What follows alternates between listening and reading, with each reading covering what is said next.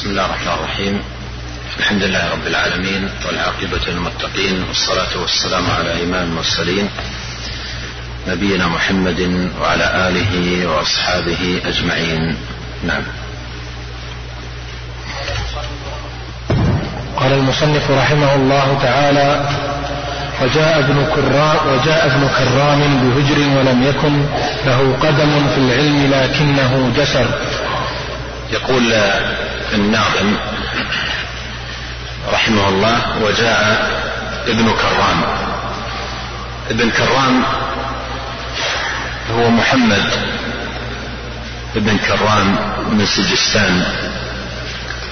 وقوله وجاء أي جاء في جملة هذا الركب الذي أخذ الناظم يعدد رؤوسهم ممن اشتهروا ببدع نسبت إليهم.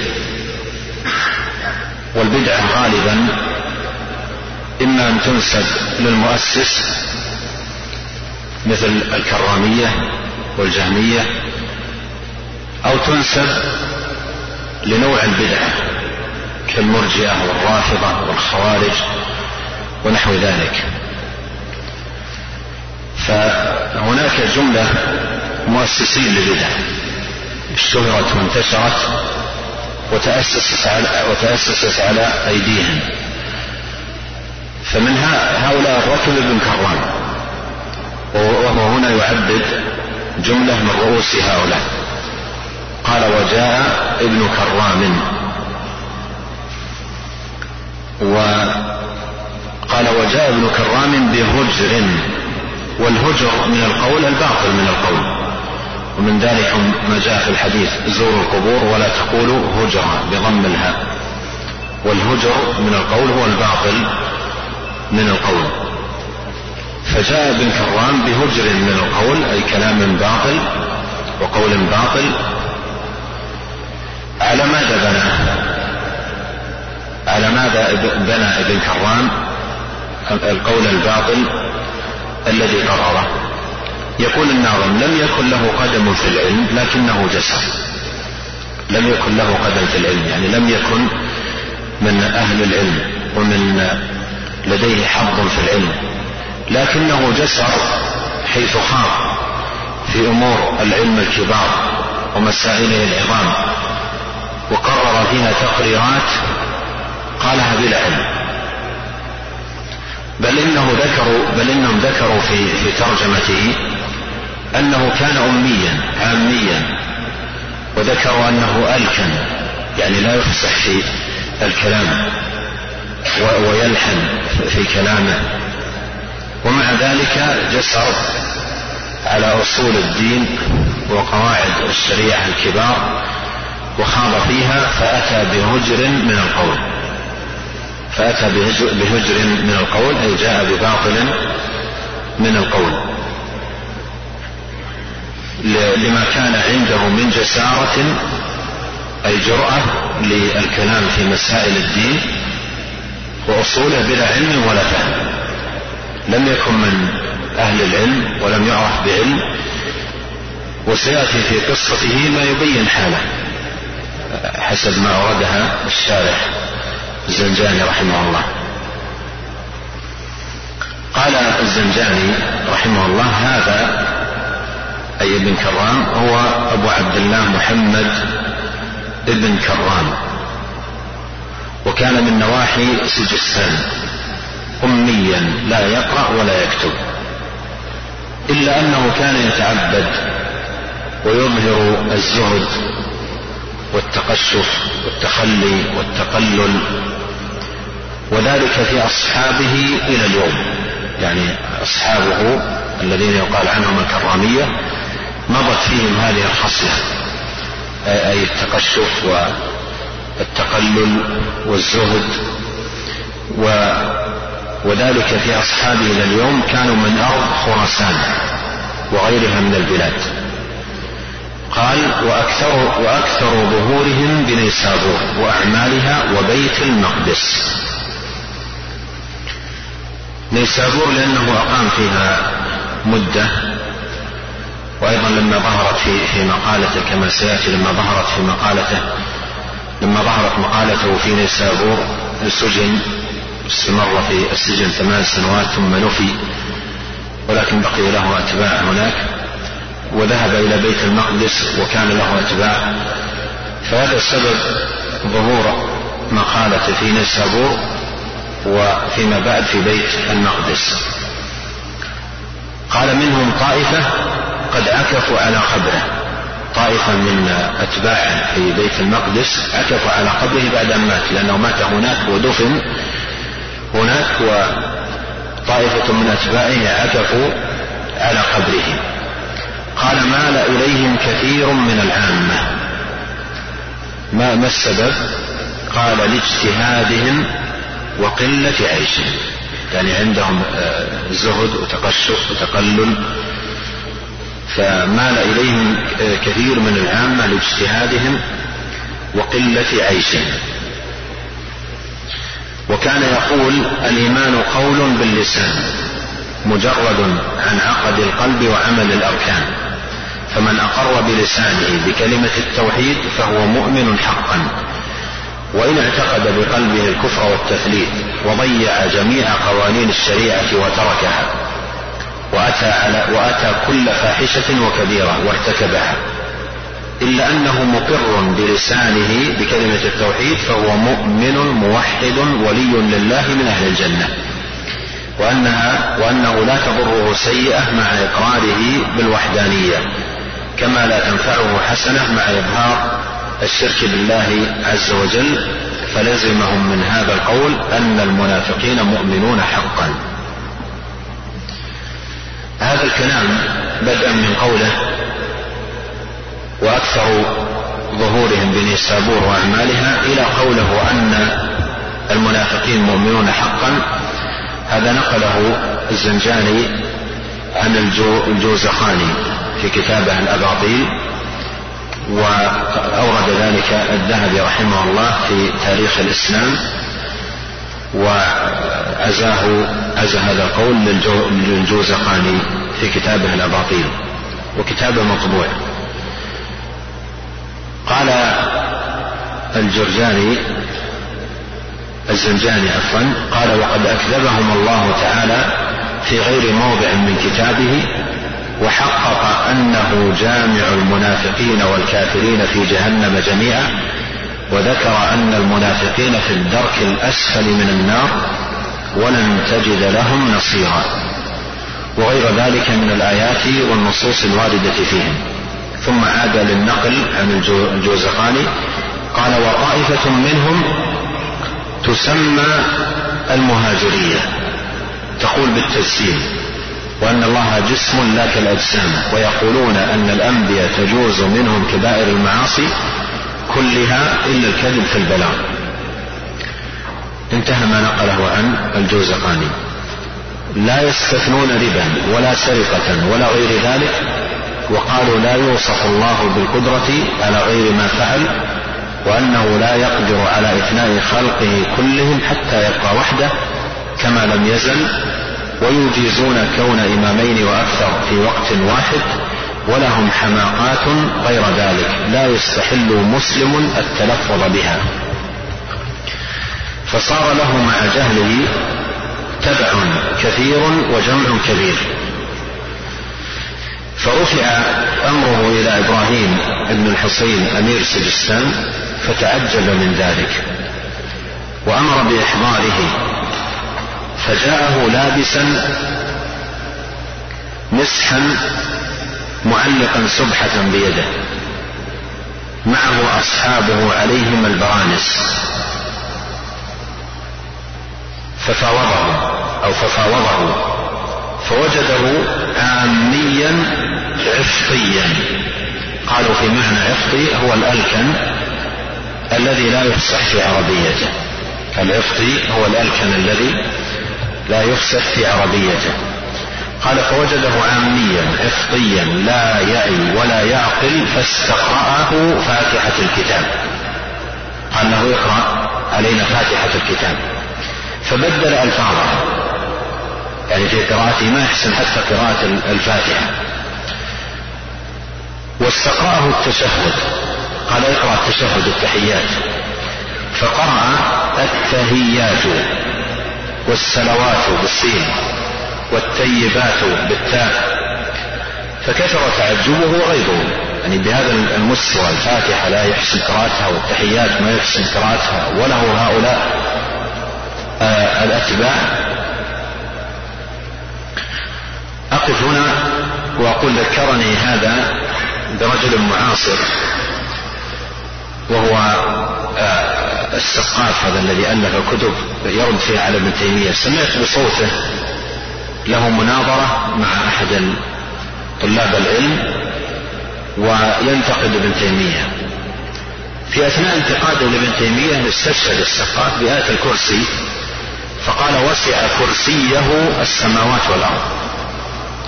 يعني يناظر ابن تيمية ويرد على ابن تيمية وآية الكرسي التي يحفظها آه، صغار أبناء المسلمين يلحن فيها وسع كرسيه السماوات والأرض. فأمثال هؤلاء الأولى لهم بدل مقارعة الجبال. أن يشتغلوا بالعلم يحفظ الفاتحة ويحفظ آية الكرسي ويلزم الكتاب يتعلم عليهم كيف يقرأ وكيف بدل أن يبدأ يقارع الجبال والأئمة الكبار. فهذا الآن مؤسس لمذهب واشتهر ونسب إليه وذكروا عنه في ترجمته هذا الذي ذكره عنه الزنجاني موجود في في ترجمته في غير مصدر. والذهبي في في تاريخ الإسلام ذكر له ترجمة مطولة بعض الشيء وذكر مثل هذه الأخبار في عدم إحسانه للقراءة وأنه عامي وأنه لا يحسن. وأيضا من الأشياء التي حصلت أنه أيضا التف عليه بعض الوضاعين أحمد الجويبار و, و بعض الوضاعين في الحديث وكانوا يضعون له الأحاديث على مذهبه ويركبون له الأسانيد. وبعضهم أيضا ركبوا أحاديث موضوعة في فضله في فضل ابن كرام بالأسانيد. يأتي في أمتي رجل يقال له محمد بن كرام يحيي سنتي وضعوا أحاديث له كتب في في فضله والعوام مساكين.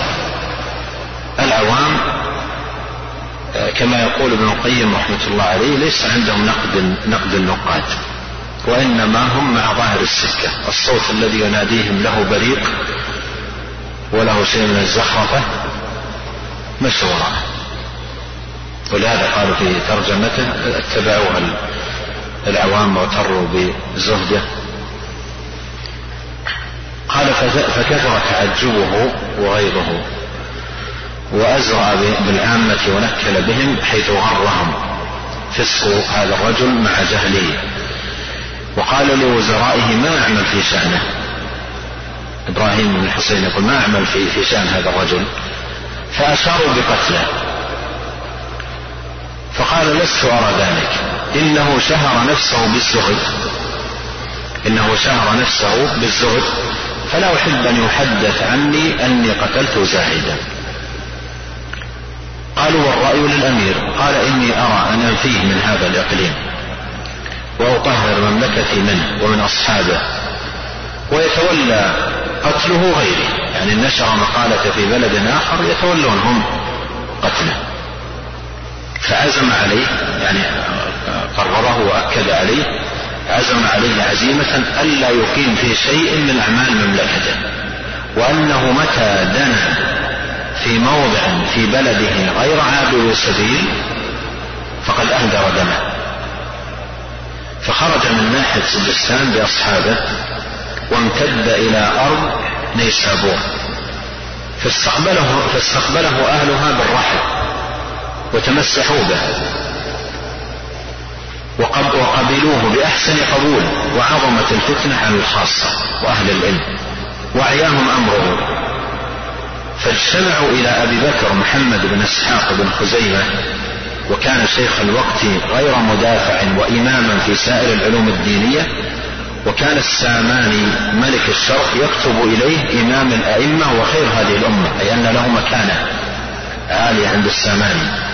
فحين استفحل عمر بن, بن كرام وانتشر قوله في أعمال وهنا وقع سقط في في المخطوط. وانتشر قوله في أعمال يعني يمكن نعمل شوية ترقية. وانتشر قوله في أعمال نيسابور. وقد سجن بها ثمان سنوات لأجل بدعته. ثم أخرج وسار إلى بيت المقدس ومات بالشام في سنة خمس وخمسين ومائتين وعكف أصحابه على قبره مدة. هذه زيادة من لسان الميزان لابن حجر. وجاء أيضا في اللسان لابن حجر. قال ولما نفي من سجستان أجمع بني أجمع ابن خزيمة وغيره من الأئمة على نقله منها فسكن بيت المقدس. فسكن بيت المقدس. هنا وقع مثل ما ذكرت لكم خرم في المخطوط فسقط بقية شرح هذا البيت والبيتين آه، اللذين بعده. البيت الذي يتعلق بالأشعري والبيت الذي يليه. ولكن وجد جزء من آخر شرح البيتين ثم شرح قولا يكفر هذا ذاك. فهكذا بدأ الكلام. قال الملحد كان يتكلم عن رجل ملحد وأصحابه وهم عشرة. ضربت أو ضرب أعناقهم في يوم واحد. ولا أدري عمن يتحدث وهذا أيضا أترك محل بحث للإخوة. قال وأصحابه وهم عشرة ضرب أعناقهم في يوم واحد. فيمكن النشيط منكم يرجع إلى كتب التاريخ في فترة ما قبل 471 ويعرف من هؤلاء عشرة. قال ضرب أعناقهم في يوم واحد. الكلام الذي قبله ساقط عندي. قال وهكذا في كل زمان نبغ فيه نابغة تريد تفريق الكلمة وتشتيت أمر الدين كالراوندي وأضرابه إلى وقت المقتدر وما حله بالحلاج وعمل بالشلمقاني وغيرهم وغيرهم. الشلمقاني ترجم له الذهبي في السير في المجلد الرابع عشر الصفحة 566 قال عنه الذهبي الزنديق المعثر الرافضي. وذكر شيئا من عقائده. قال واتبعه الوزير حسين بن الوزير وزير المقتدر وسجنه وأفتى العلماء بإباحة دمه ثم قتل وصلب. وأيضا الحلاج له ترجمة موسعة في السير في المجلد الرابع عشر 213 قال في ترجمته تبرأ منه سائر الصوفية والمشايخ والعلماء لما ترى لما سترى من سوء سيرته ومروقه. قال وفي سنة 31 و300 أدخل الحلاج بغداد مشهورا على جمل قبض عليه بالسوس فبعث إلى بغداد فصلب حيا ونودي عليه هذا أحد دعاة القرامطة فاعرفوه وله ترجمة مثل ما أشرت موسعة في سير أعلام النبلاء. قال وأقاصيصهم مشهورة وفي كتب التاريخ مسطورة شهدها الخاص والعام. وكل واحد يعني من هؤلاء عناده في مسألة أو مسألتين. فقصف عناده في مسألة أو مسألتين فقصف ومحي أثره يعني قتل وصلب و ومحي أثره. وقد يتفق في هذا الوقت يعني في زمن الزنجالي من يفوه بأكبر مما فاه به. يقول قد يتفق في هذا الوقت يعني يقصد وقته من يفوه بما بأكبر مما فاه فيه به ويجمع ويجمع أكبر مما أحد وصلبوا عليه ويجمع أكبر مما أحد وصلبوا عليه ولكن لما اشتغل السلاطين بملاهيهم عن حفظ الدين ورعايته وقع الإهمال بينهم والإنكار من العلماء وإقبال الكل على الدنيا يتكالبون عليها ويهرعون إليها ظهر الفساد في البر والبحر بما كسبت أيدي الناس ليذيقهم بعض الذي عملوا ولله أمر هو بالغه. ولو شاء لهداكم أجمعين.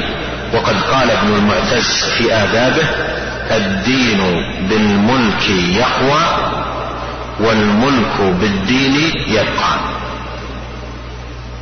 قال الدين بالملك يقوى. والملك بالدين يبقى. ثم أورد قوله يكفر هذا فنقرأه ونتجاوز البيتين نعود لهما غدا إن شاء الله. نعم.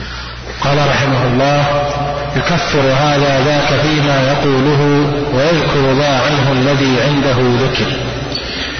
ثم أورد الناظم هنا حال هؤلاء في تراميهم بالكفر وتكفير بعضهم بعضا وجراتهم على التكفير ومسارعتهم إليه. وأنهم آه، أهل مسارعة إلى التكفير فمن خالفهم كفروا. ويذكرون عنهم أن الأخ يكفر أخاه والابن يكفر أباه ويشيع فيهم التكفير شيوعا واسعا وهو على ألسنتهم يجري. فيقول الناظم في وصف حال هؤلاء يقول يكفر هذا ذاك فيما يقوله ويذكر ذا عنه الذي عنده ذكر أي أن كل واحد منهم يرمي الآخر بما رماه به فهذا يقول أنت كافر والثاني يقول له أنت كافر ويترامون بالكفر. يعني ليس سعيهم في الإصلاح ليس سعيهم في, في الإصلاح. وإنما سعيهم في نشر الباطل ومن خالفهم في باطلهم كفروا. ورموه بالكفر. يقول الزنجاني في شرحه لهذا البيت أخبر الله سبحانه عن إبراهيم الخليل أنه قال لقومه فيما أنذرهم به وقال إنما اتخذتم من دون الله أوثانا مودة بينكم في الحياة الدنيا ثم يوم القيامة يكفر بعضكم ببعض ويلعن بعضكم بعضا ومأواكم النار وما لكم من ناصرين. مثل هذه الآية قول الله تعالى كلما دخلت أمة لعنت أختها. هذا يوم القيامة. يقول الشيخ يريد إن استمررتم على ضلالتكم في عبادة الأوثان وطاعة الأزلام وتولي الشيطان كان رضاكم بها وميلكم إليها مدة كونكم في الدنيا. فإذا كان يوم القيامة تبرأتم منها وبان لكم اختياركم. لعلها سوء اختياركم أو نحو ذلك. فصارت مودتكم في الدنيا عداوة في الآخرة. ورضاكم بها. هناك سخطا وتلاعنتم فيما كان منكم. وهذه الطوائف اسمع كلاما جميلا وهذه الطوائف لم يرضوا بما يحدث الله لهم في الآخرة من التباغض والتلاعن والتنافر فاستعجلوه في الدنيا قبل الآخرة. لم يرضوا بما يحدث الله لهم في الآخرة من التباغض والتلاعن. في الآخرة يتباغضون ويتلاعنون. كلما دخلت أمة لعنت أختها. لم يرضوا ذلك يعني لم يقنعوا بذلك فقط بل أيضا استعجلوه في الدنيا. ففي الدنيا تباغضوا وتلاعنوا وكفر بعضهم بعضا. فاستعجلوه في الدنيا قبل الآخرة فصار يكفر هذا ذاك ويلعنه الآخر ويرمي بعضهم بعضا بالبهت والعدوان وينسب إليه ما يتحقق أنه لا يعتقده ولا يقول به. ينسب إليه ما يتحقق أنه لا يعتقده ولا يقول به تنفيرا عن صحبته وتقبيحا لصورته. ولا يتحاشى من أطلاق ذلك جرأة على الله ورضا بالدور فيما يعلم خلافه يعني تردد التكفير ودوران بينهم. قال نسأل الله العافية. نعم. قال رحمه الله وبالعقل فيما يزعمون تباينوا وكلهم قد فارق العقل لو شعر. يقول في وصف هؤلاء أن أن كل منهم يدعي أنه تميز عن الآخر بالعقل. تميز عن الآخر بالعقل وأن ما عنده من عقائد وأقوال مبنية على عقل تميز به عن غيره. فاستحق آه، آه، الصواب أو بلوغ الصواب بما أوتي من عقل يزعمه لنفسه وأن مخالفه لا عقل عنده ولا فهم ولا تصور صحيح. والآخر أيضا يجد في نفسه ماذا؟ الشعور نفسه. يشعر أنه أيضا تميز عن غيره بعقل لا يوجد عند غيره وأن هذه التصورات والآراء التي توصل إليها تميز بها ولم توجد عند غيره. فهم فيما يزعمون تباينوا بالعقل. فيما يزعمون تباينوا بالعقل يعني كل واحد تميز عن غيره بالعقل. وأن المعتقد الذي يدعو إليه والقول الذي ينصره تميز به عن الآخرين بالعقل.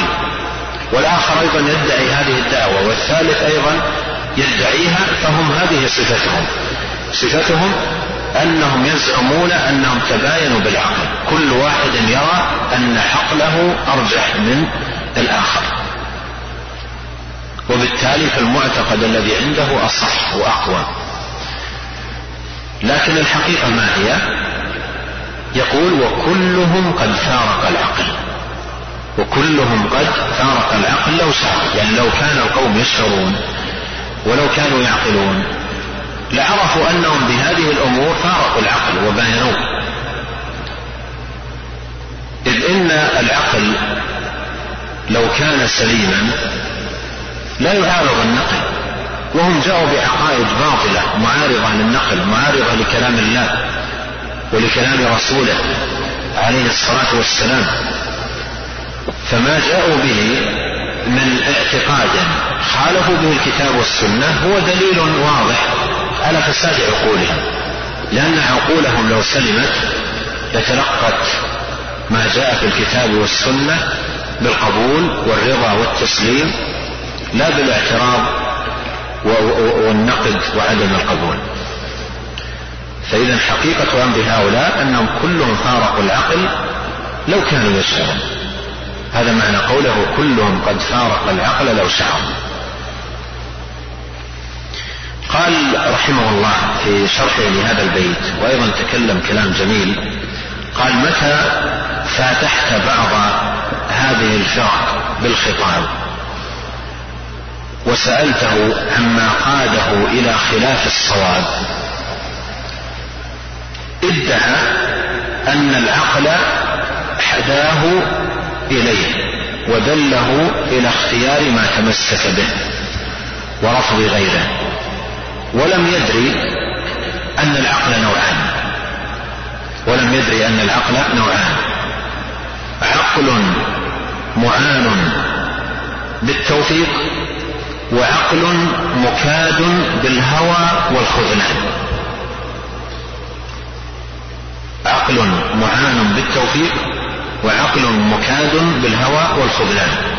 قال فالعقل المعان يدعو صاحبه إلى موافقة الأمر المفترض المفترض الطاعة والانقياد لحكمه والتسليم لما جاء عنه وترك الالتفات إلى ما خالف أمره أو وافق نهيه. غير طالب لذلك علة يعني في الأمر والنهي الوارد في الكتاب والسنة غير ثبوت الأمر والنهي. فيسعد باتباعه الأمر واجتنابه النهي ويخرج من جملة المتكلفين الذين ركبوا الطريق الأوعر لتكلفهم ما كفوا وخالفوا الأمر فيما ألزمهم ثم لم يصلوا إلى برد اليقين. والعقل المكاد بتعمقه للوصول إلى علم ما استأثر الله تعالى بعلمه. وحجب أسرار الخلق عن فهم عن فهمه حكمة منه بالغة ليعرفوا عجزهم عن درك غيبه.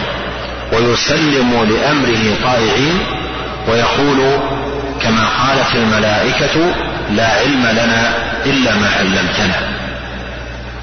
فتفرقت بهم السبل والأهواء أي أصحاب هذا العقل المكاد وتشعبت منهم بالفكر وتشعبت منهم بالفكر والآراء وتلاعب بهم الشيطان بتسويله الباطل فزينه لقلوبهم وغلبت عليهم الحيرة وقادها أي قلوبهم حيرتها عن الحق إلى الضلال المبين والعذاب الأليم نعم.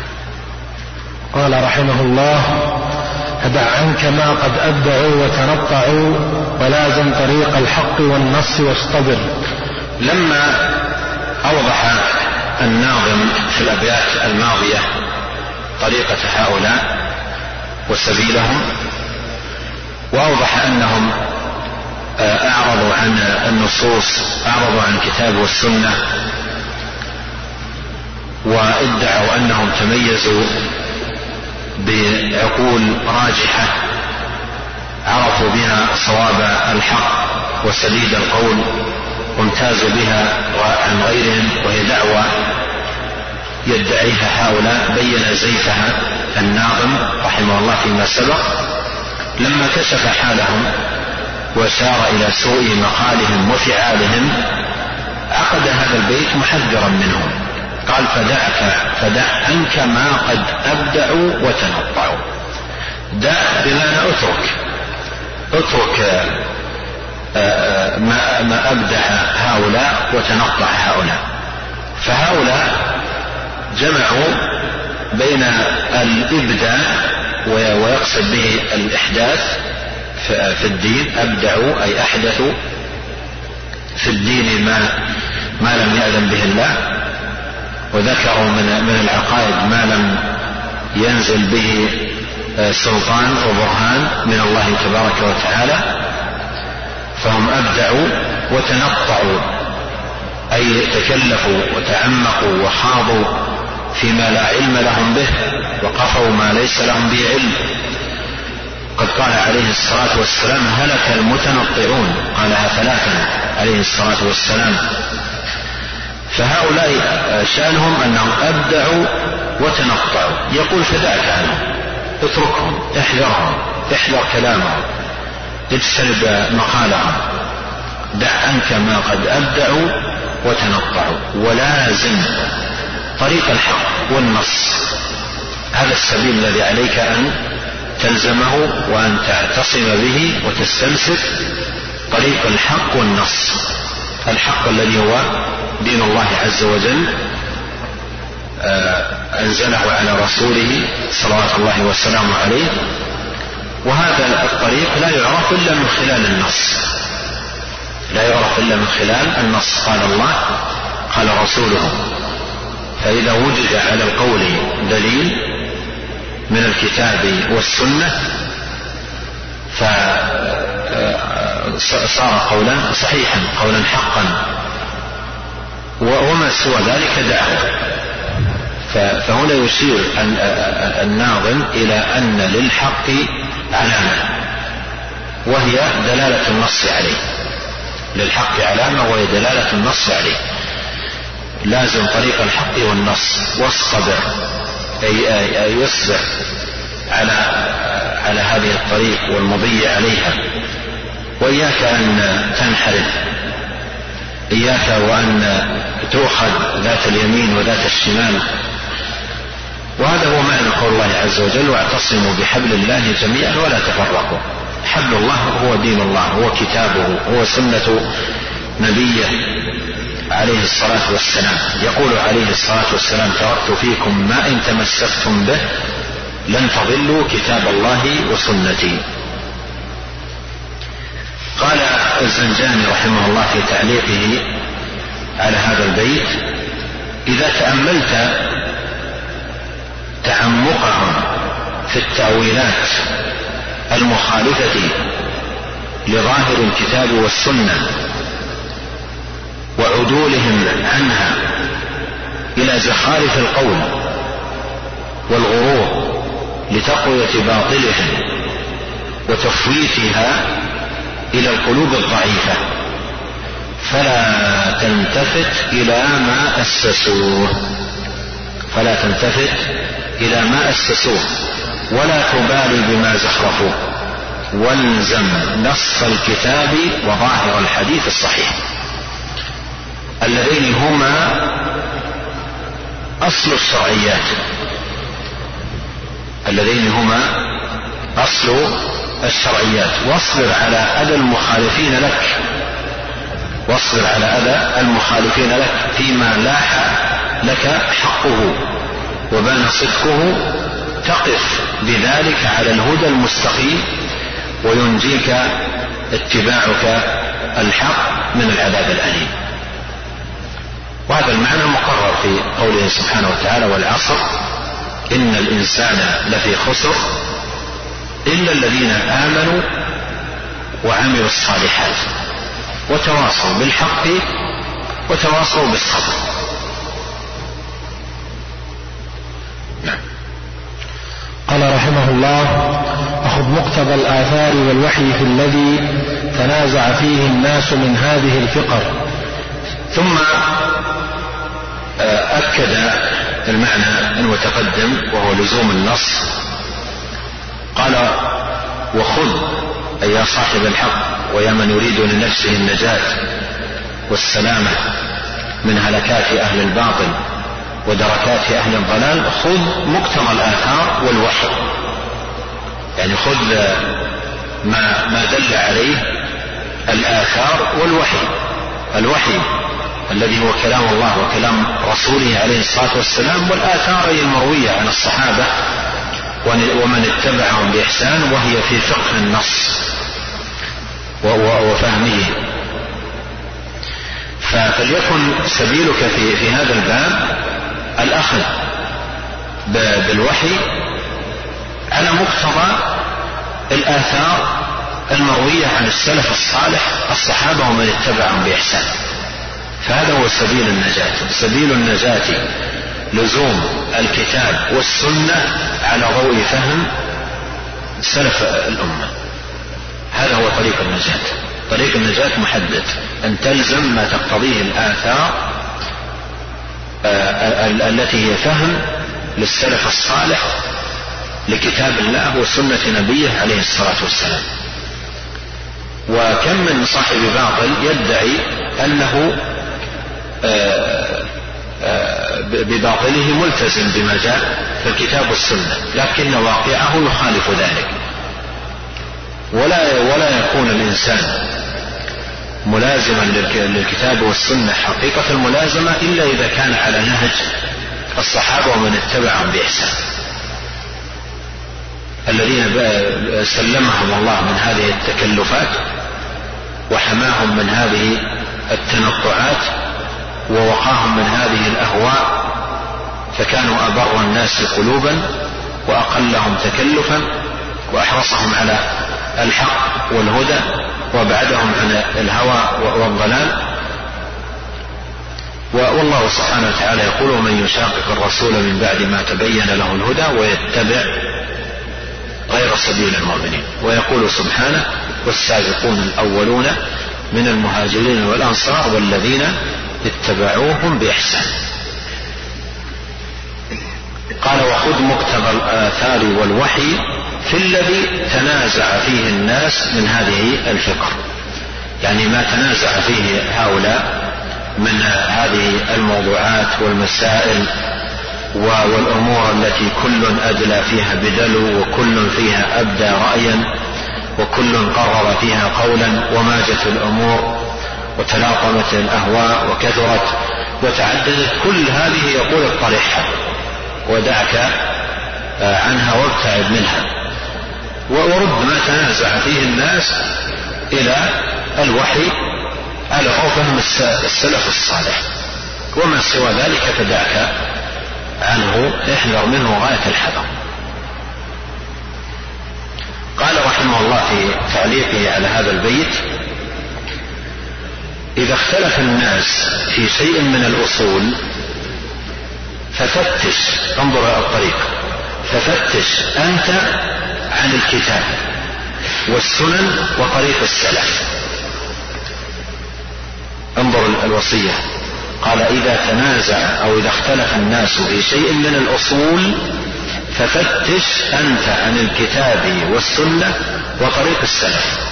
فمتى وجدت فيها ما يوافق اختيارك ويصحح وعدمت ذلك في اختيار غيرك وتأويله.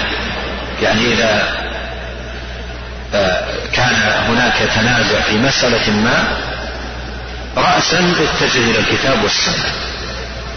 وابحث عن الدليل واطلب الحق من جهتهما. على ضوء فهم السلف. فإذا وجدت الشاهد البين والدليل الواضح في كتاب الله وسنة نبيه عليه الصلاة والسلام وفي المأثور المروي عن السلف وجدت ما يشهد لذلك ويدل عليه وعدمت ذلك في اختيار غيرك وجدت أن اختيار غيرك لا, لا دليل عليه في كتاب الله وسنة نبيه صلى الله عليه وسلم وما يروى عن السلف وعلمت ذلك في اختيار غيرك وتأويله فشد يدا بما اخترت ولا تبالي. فشد يدا بما اخترت ولا تبالي. أي استمسك بهذا الذي اخترته وعليه الدليل الظاهر البين من الكتاب والسنة شد يدا عليه ولا تبالي. أي استمسك به. غاية الاستمساك ولا تفرط ولا تبالي. إذا اعتمدت أحد الأصول الثلاثة.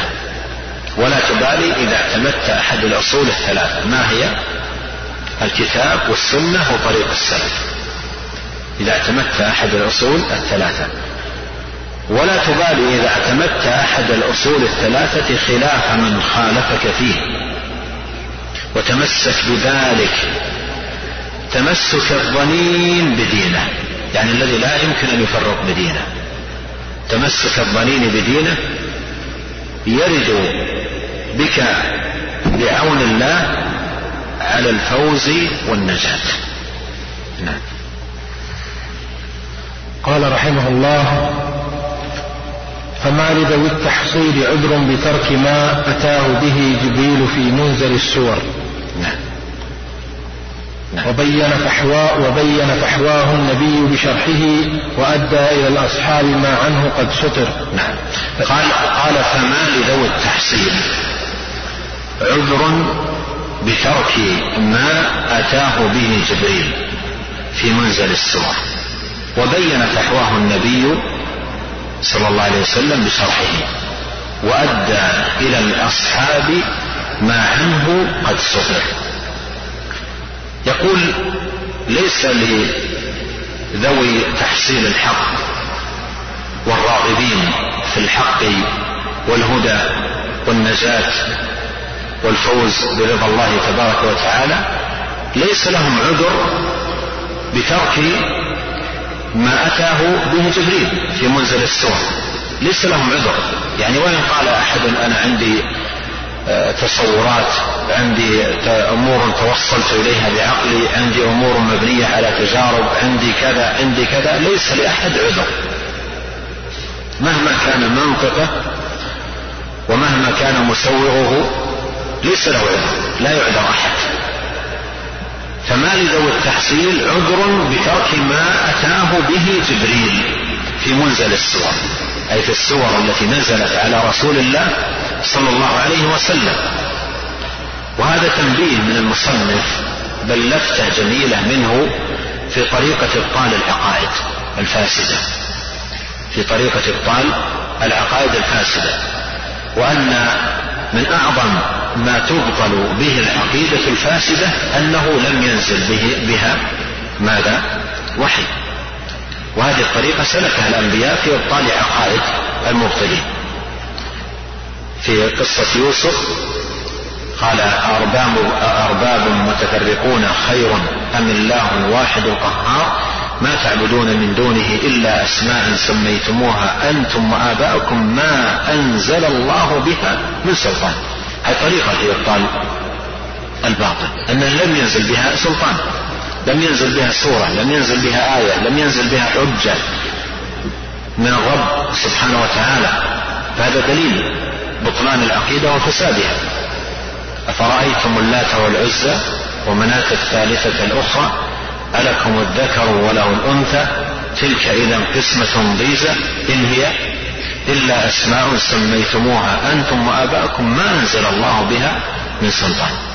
وعلى قول هذا يمكن أن تقسم العقائد إلى قسمين عقائد نازلة وعقائد نابتة. عقائد نازلة أي نزل بها سلطان وحي من الله. وهي العقيدة الصحيحة. العقيدة لا تكون صحيحة إلا إذا نزل بها وحي من الله عز وجل. الدين لله. الدين لله عز وجل. والدين ما رضيه الله وأنزله على عباده. اليوم أكملت لكم دينكم وأتممت عليكم نعمتي ورضيت لكم الإسلام دينا. وقال ومن يبتغي غير الإسلام دينا فلن يقبل منه. فالدين لله عز وجل. والحكم له. إن الحكم إلا لله أمر أن لا تعبدوا إلا إياه. ذلك الدين القيم ولكن أكثر الناس لا يعلمون. فالدين لله عز وجل. فأي دين وأي عقيدة وأي مذهب وأي نحلة وجدت في الناس لم ينزل بها وحي من الله فهي ماذا؟ عقيدة باطلة. هذه هذه قاعدة وأساس في رد كل باطل. والقسم الثاني من العقائد العقائد النابتة. النابتة هي التي نبتت في الأرض. أنشأها الناس. نتجت من نسج أفكار الناس وبنات عقولهم ووحي خيالهم وزخرفة باطلهم. فكل عقيدة نشأت ونبتت ووجدت في الأرض فهي باطلة. فهي باطلة. وهذه يعني يمكن أن نستفيد من, من هذا البيت. قال فما لذوي التحصيل عذر بترك ما أتاه به جبريل في منزل السور. إذا لم يكن هناك دليل نازل وحي من الله سبحانه وتعالى على صحة المعتقد. فإن المعتقد معتقد باطل وليس لأحد عذر بترك الوحي المنزل لكلام مزخرف أو قول مبهرج. ليس لأحد عذر. قال وبين فحواه النبي بين النبي فحواه أي فحوى ما نزله ما نزل به جبريل عليه وهو السور. والآيات التي هي كلام الله عز وجل فالنبي صلى الله عليه وسلم بين فحواه بشرحه. وهذا فيه أن السنة ماذا؟ شارحة للقرآن ومفسرة له ومبينة له. ولا يكون الإنسان من أهل القرآن حتى يكون من أهل السنة ففي القرآن وما آتاكم الرسول فخذوه وما نهاكم عنه فانتهوا. قال وبين فحواه النبي بشرحه أي بشرحه للقرآن وللوحي المنزل شرحه لما أتاه به جبريل. وأدى إلى الأصحاب أي النبي عليه الصلاة والسلام ما عنه قد سطر أدى النبي عليه الصلاة والسلام الدين كاملا. أداه إلى الأصحاب. أين هذا الذي أداه إلى الأصحاب؟ أين هو؟ قال ما عنه قد سطر يعني ما عنه قد كتب. مشيرا بهذا إلى دواوين السنة التي آه، حفظت فيها أحاديث الرسول. عليه الصلاة والسلام وسطرت فيها كلماته وأقواله وبيانه وشرحه صلى الله عليه وسلم وهي محفوظة في, في, في, في الصحاح والسنن والمسانيد والمعاجم بالأسانيد قال وأدى إلى الأصحاب ما عنه قد سخر. والأصحاب ما شأنهم في هذا الباب الأصحاب آه، أدوا إلى التابعين ما أداهم إليه رسول الله عليه الصلاة والسلام. ولسان حالهم يقول هذا ما أداه إلينا رسول الله صلى الله عليه وسلم ونحن نؤديه إليكم كما أدي إلينا. والتابعون مضوا على الطريق. لسان حالهم يقول لأتباعهم هذا ما أداه إلينا أصحاب رسول الله صلى الله عليه وسلم ونحن نؤديه إليكم كما أدوه. وأتباع التابعين أيضا إلى لأتباعهم ومضى يحمل هذا الدين من كل خلف عدوله. ينقلونه بأمانة وبصدق وبوفاء وبمحافظة وبإتقان. حتى إن إنهم من دقتهم في النقل إذا قال الصحابي قال النبي صلى الله عليه وسلم يقول قال النبي. صلى الله عليه وسلم. وإذا قال الصحابي قال رسول الله صلى الله عليه وسلم قال قال رسول الله صلى الله عليه وسلم. وإذا قال قال الصادق المصدوق قالوا قال الصادق المصدوق صلى الله عليه وسلم. بدقة نقلوا وإذا شك في في لفظ أشار إلى شكه. وإذا فاته لفظة أشار إلى فواتها له نسيتها. إلا أن تكون كذا. وتجدهم بدقة متناهية. فكان لهم حظ وافر ونصيب عظيم من دعوة النبي صلى الله عليه وسلم الميمونة التي قال عن الناس في الخيف من منى في حجة الوداع نظر الله امرأ سمع مقالتي فوعاها فحفظها فأداها كما سمعها. هذا هو الدين. الدين هو حفظ ما جاء به الرسول عليه الصلاة والسلام ونقله للأمة وتبليغه لهم كما جاء. هذا هو الدين. لكن أهل البدع لما حسروا عن حمله وأعياهم حفظه جسروا على الدين فأعملوا عقولهم. وقد قال عمر بن الخطاب ما تقدم نقله عنه إياكم وأصحاب الرأي فإنهم أعداء الدين أعيتهم السنة. أن يحفظوها فأعملوا عقولهم. أعيتهم السنة أن يحفظوها فأعملوا عقولهم. ومر معنا أيضا قريبا قول الناظم رحمه الله ولكنه جسر يعني أعياه حمل الدين ولكنه جسر عليه فقال في دين الله بلا علم وخفى ما ليس له به علم. فالناظم هنا يشير إلى إلى إلى هذا المعنى يقول فما لذوي التحصيل عذر بترك ما أتاه به جبريل في منزل السور وبين فحواه النبي بشرحه وأدى إلى الأصحاب ما عنه قد سطر. ما عنه قد سطر. ثم أيضا الأصحاب مثل ما أشرت مضوا على هذا الطريق. أدوا ما أداه النبي صلى الله عليه وسلم إليهم وافيا أدوا ما أداه إليهم النبي صلى الله عليه وسلم وافيا إلى التابعين والأتباع أدوه وافيا ومضوا على هذا النهج ورؤوس البدع تظهر وكل إيش؟ وكل يخترع رأيا أهل السنة في دقة متناهية في حمل الدين والحفاظ عليه دقة في حمل ألفاظه حمل معانيه حمل آه، مبانيه نقله للأمة دقيقا وهؤلاء يبرزون. كل يقحم عقله. يقحم عقله القاصر ويقول أنا أرى كذا. وأنا أميل إلى كذا. وأنا أعتقد أن الصواب من الاعتقاد هو كذا. وبينهم ماذا؟ بينهم كتاب الله وسنة نبيه عليه الصلاة والسلام. ما لهؤلاء ولإقحام عقولهم وبينهم كتاب الله فيه الهدى وفيه الحق وبينهم سنة رسول الله عليه الصلاة والسلام فيها الهدى وفيها الحق وحملتها ينقلونها بأمانة ودقة. فهذا مما يصور لنا الفساد العريض والشر الكبير الذي ركبه رؤوس البدع. وقد قال الله عز وجل ولا يحملن أثقالهم وأثقالا مع أثقالهم. وقال يحمل أوزارهم كاملة يوم القيامة ومن أوزار الذين يضلونهم بغير علم. ألا ساء ما يزرون. وفي الحديث من دعا إلى ضلالة كان عليه إثمها وإثم من عمل بها لا ينقص من آثامهم شيء أو كما قال عليه الصلاة والسلام. قال الزنجاني رحمه الله في تعليقه على هذين البيتين. إذا نصح المرء نفسه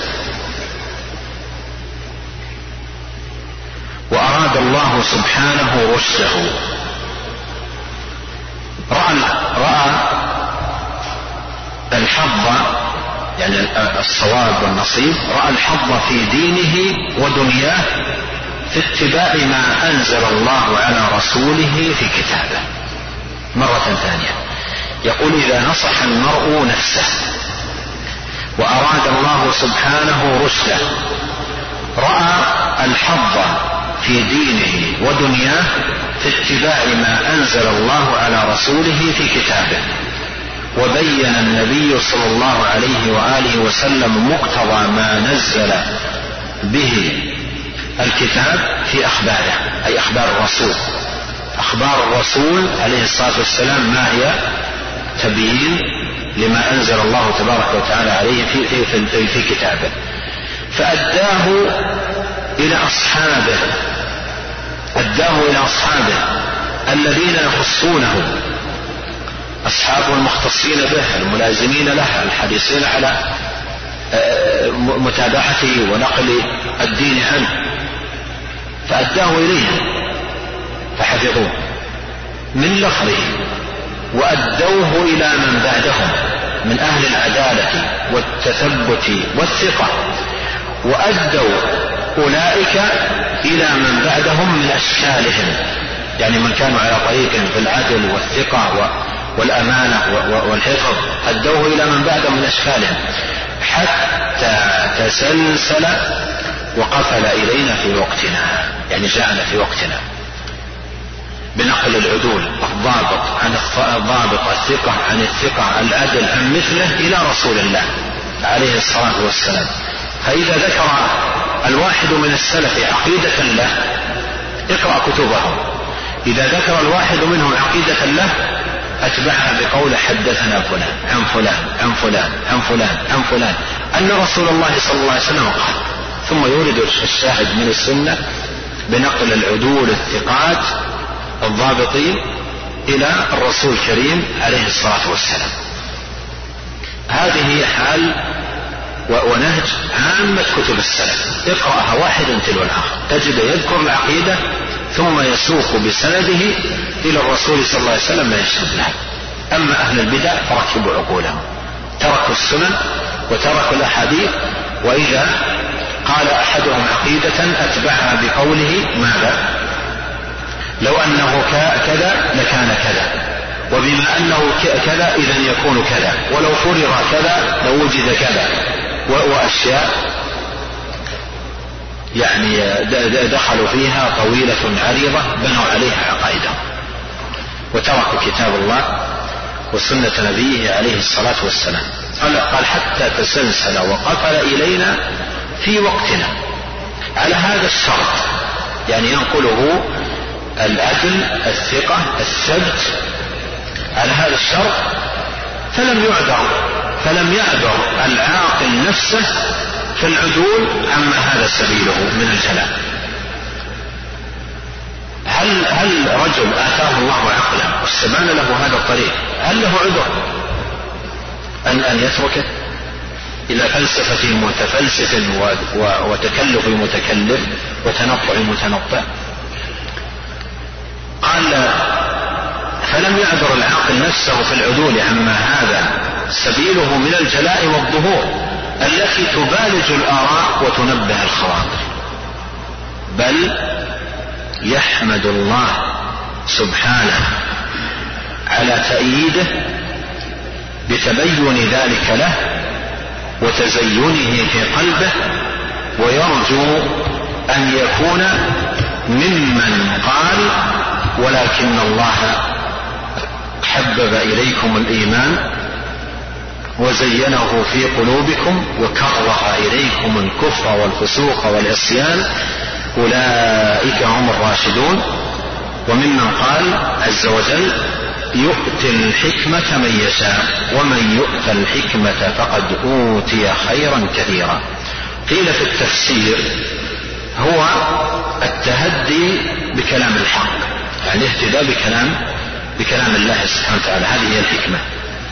قال وما يذكر إلا أولو الألباب.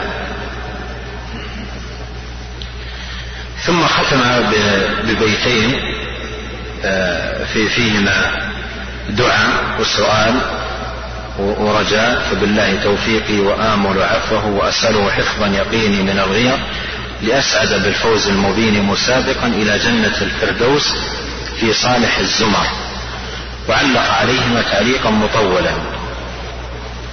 التعليق هذا يكون غدا إن شاء الله. ماشي؟ ولا عندكم اعتراض؟ غدا إن شاء الله أنا أقرأ عليكم الخاتمة. خاتمة وهي قليل طويلة قليلا. وأيضا أذكر لكم تعليقا مختصرا على على بيتين. ولعلنا إن شاء الله بتيسير من الله ننتهي غدا إن شاء الله. يوم الجمعة داخل في حسبة الدورة ولا زدناه عليكم؟ لا داخل داخل. ها؟ طيب. جزاكم الله خير. الله أعلم. وصلى الله وسلم على نبينا محمد. أحسن الله إليكم. جزاكم الله خيرا. بالأمس تكررت عدة أسئلة عن مرجعة الفقهاء وما المراد بهم وما حكمهم. مرجئة مرجئة الفقهاء هذه كلمة عرفت عند أهل العلم يقصدون بها من دخلت عليه شبهة الإرجاء من الفقهاء. ونحن عرفنا من كلام الزنجاني رحمه الله أن من قالوا بالإرجاء ليسوا على حد سواء بل متفاوتون. وأخف من ذهبوا إلى الإرجاء من عرفوا بمرجئة الفقهاء. أحسن الله إليكم. هذا سائل يقول هل يمكن للسلفي أن يقع في التعصب والغلو والتحزب وما يزال سلفي؟ التعصب بلوى يبتلى بها كل إنسان. التعصب بلوى يبتلى بها كل إنسان. يبتلى إذا رأى رأيا أو مال إلى أمر. وانتساب الإنسان إلى السلف ليس أمرا ينال به العصمة ليس أمرا ينال به العصمة لكنه يجتهد في الانتساب للسلف في عقيدتهم وأعمالهم وعقائدهم وأخلاقهم ويجتهد في اتباع طريقهم وقراءة أخبارهم وسيرهم.